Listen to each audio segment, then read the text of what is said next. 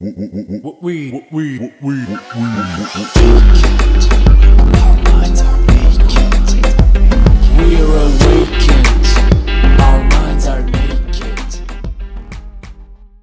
svima, ja sam Martina Đokić, a vi slušate podcast Mentalni nudista. Nalazimo se u epizodi broj 45, sezone 2.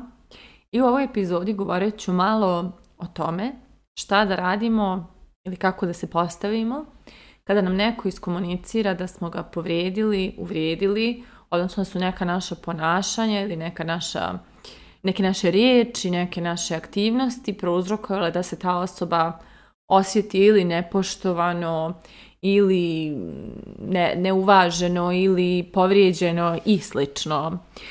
I vjerujem da ste svi nekad bili u toj situaciji da se ili tako osjetite, pa nekome to iskomunicirate ili da vama neko ukaže na to da određena ponašanja koja činite ili riječi koje govorite na taj i taj način utiču na, te, na, tu osobu. I šta je ono što je najčešći impuls kada nam neko to kaže e, i ka čemu najčešće ljudi bjaže, jeste pravdanje, odnosno objašnjavanje zašto smo to tako uradili, e, da mi to tako nismo mislili i tako dalje.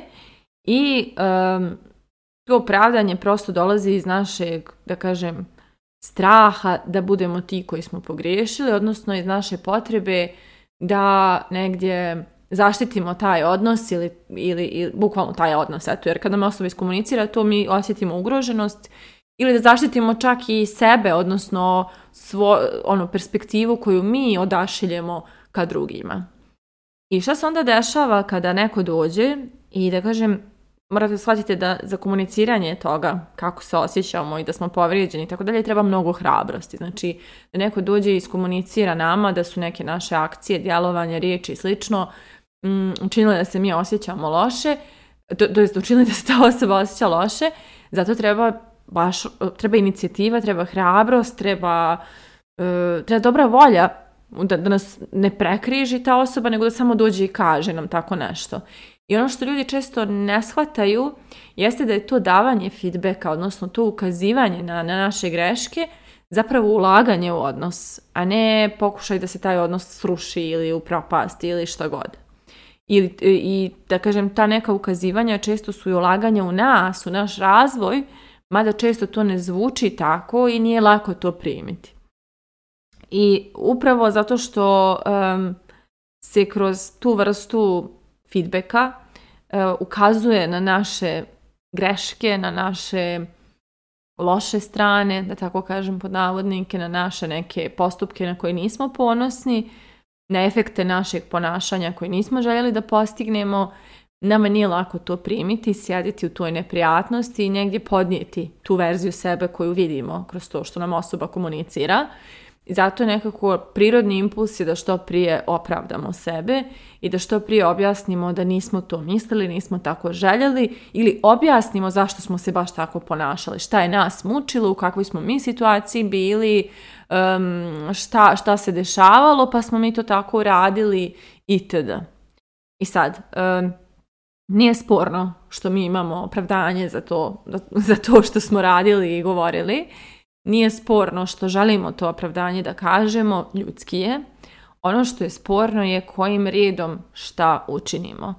Odnosno, kada nam osoba ukaže na to da smo je povrijedili, uvrijedili, mm, učinili da se osjeća nepoštovano ili kako god, nedovoljno ili kako god, ona nas poziva, to jest ta osoba se otvara nama i komunicira nam svoje emocije i traži E, da validiramo te emocije, odnosno traži da ih uzmemo u obzir. Zato, zato nam se i obraća, da bismo uobzirili to gledište te osobe i ta osjećanja. A mi, kada upadnemo direktno u pravdanje, ono što mi uradimo jeste mi kažemo toj osobi ne mogu ja da uobzirim tvoje emocije, ajde ti uobziri mene i moje. znači, ajde ti sad, e, ja ću sad da ti se opravdam, pa ti mene shvati, ne mogu ja tebe da shvatim. I tu nastaje veliki problem. Mislim da vam je jasno, jel tako? Znači, neko dođe, otvori se, ukaže nam na nešto, u namjeri da popravimo odnos, u namjeri da nam možda ukaže na to kako generalno naša ponašanja djeluju, u namjeri prosto da budemo svjesni neke perspektive sebe koju ne vidimo ili možda e, efekata svog ponašanja kojih nismo svjesni. I ta osoba nam ukaže na to kako na nju djelujemo. Znači šta mi njoj radimo svojim ponašanjem, riječima i slično.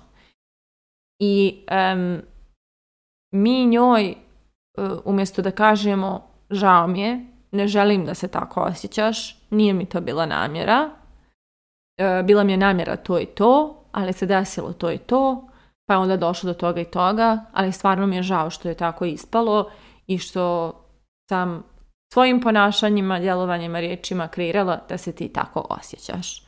Mi ne kažemo to, mi ne uradimo tako, nego mi najčešće kažemo ali ja sam, znaš, bila u toj toj situaciji, desilo se to i to, morala sam to i to i tako dalje.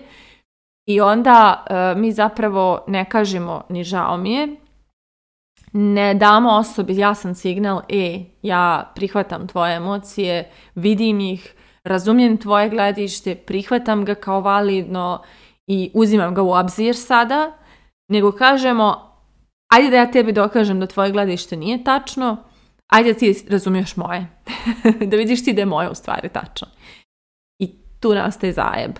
Zato što time zapravo mi e, na neki način mm, narušavamo odnos i manje više svi to nekad uradimo. Neki češće, neki manje često, ali e, svi se nekad nađemo u toj situaciji da preskočimo taj korak u obziravanje osobe i da e, direktno prijeđemo na, na traženje razumijevanja za sebe.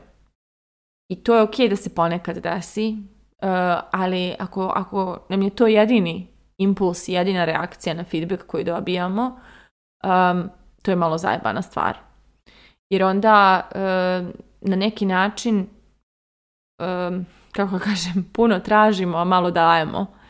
Jer na neki način mi konstantno zahtijevamo da se mi shvatimo, da se naši problemi razumiju, da se naše emocije razumiju, da se naša ponašanja razumiju, da sve što smo mi uradili dobije razumijevanje, a nismo spremni da mi kreiramo razumijevanje za to što nam drugi govore kako se oni osjećaju. I to je onda neka definicija sebičnosti, da kažem, pošto ne volim tu riječ previše i zlupotrebljava se mnogo, ali u ovom nekom u ovoj nekoj konstelaciji možemo time da nazovemo ta ponašanja. I ono što je isto važno da razumijete, postojeći ljudi čija mišljenja i osjećanja neće nama biti važni. Znači, postojeći stranac na internetu koji će da nam ukaže na to kako kako su neka naša ponašanja ili riječi djelovali na njega i možda nam neće biti bitno jer to će biti osoba koja možda nije ni naša ciljna grupa ili nije s nama na istim talasnim dužinama i tako dalje. I možda nam ono, neće ni biti važno da uobzirimo tu osobu. Ali sve ovo što pričam, pričam za ljude koji su nam važni, za ljude koji nas okružuju, za naše kolege, za naše prijatelje, za našu porodicu. I e, da tu samo nekad malo obratimo pažnju da li zastanemo prije nego što počnemo sebe da pravdamo, da li se izvinemo i kažemo da smo razumjeli i da li zastanemo da, da iskreiramo to razumijevanje prije nego što nas trigger taj odvede u to da sebe zaštitimo i da dokažemo da nismo takvi kakvi, kakvima smo upravo opisani. I, e, jer, kako da kažem, E, I ta osoba je došla nama da nam, da nam, da kažem, da uloži u nas, da, da nas nahrani nekim perspektivama koje mi ne vidimo i onda ako mi ne, ne uobzirimo tako nešto, mi te perspektive više nećemo dobijati. I živjet ćemo u mraku sa informacijama na koji način naše ponašanje i riječi djeluju na nama važne ljude. Uh, postoji još jedan E, da kažem, jedna situacija kada ono, ne mogu reći ne moramo da obzirimo nečije mišljenje, ali kada negdje će se desiti da nam možda nije važno što se ta osoba osjeća na određeni način ili nas ne dira previše, a to je kada nam neko ukazuje na to da ga je možda povrijedilo ili uvrijedilo što, smo se ponaša, što, se, što nismo se ponašali onako kako ta osoba očekivala, a možda to nije negdje u skladu s nekim našim vrijednostima ili shvatanjima da treba tako da se ponašamo. Ne znam, neko se možda ljutio što ga nismo sakrili dok je nešto radio što nije u redu ili što, ono, htio da vara na testu, mi nismo ti koji to volimo da radimo i tako dalje. Znači, prosto... Postoje situacije kada će nekoga uvrijediti ili povrijediti to što mi nismo ispunili njihova očekivanja svojim ponašanjem, a ispunjavanje tih očekivanja mi bismo se ponašali mimo nekih naših životnih principa. I da kažem, tu je ok stati iza sebe, ali to je jako malo situacija. Puno više, puno, puno više situacija u kojima jesmo stvarno pogriješili i jesmo stvarno ovaj, eh, uvrijedili nekog i povrijedili. Eh, jesmo stvarno mogli bolje, ali nismo i u tih puno više situacija jako je važno zastati, primiti to što osoba govori, reći, saslušati i reći da razumijemo to što se kako se ta osoba osjeća, da nam je žao što se tako osjeća, da nam je žao što smo takav efekat napravili, što smo takav utisak ostavili ili tako nešto izazvali u, u toj osobi i da ono želimo da to popravimo i da kažemo da nam to nije bila namjera da smo mi tako se ponašali zbog toga i toga, ali jasno nam je da je ispalo tako i da ima smisla da je ta osoba to tako doživjela. Jer um, jednom sam gledala jednu epizodu Kardashianovih, mislim gledala sam ih mnogo, ali u jednoj epizodi bila je neka situacija kada je drugarica od Khloe Kardashian se žalila njoj na nešto što je ova uradila, isto to ukazala joj neko ponašanje i Khloe Kardashian je tad rekla nisam mislila to da uradim i nije mi to bila namjera, ali ne mogu ja da pocijenjujem njene emocije. Ako se ona tako osjeća, onda sam ja to proizvela. I upravo to.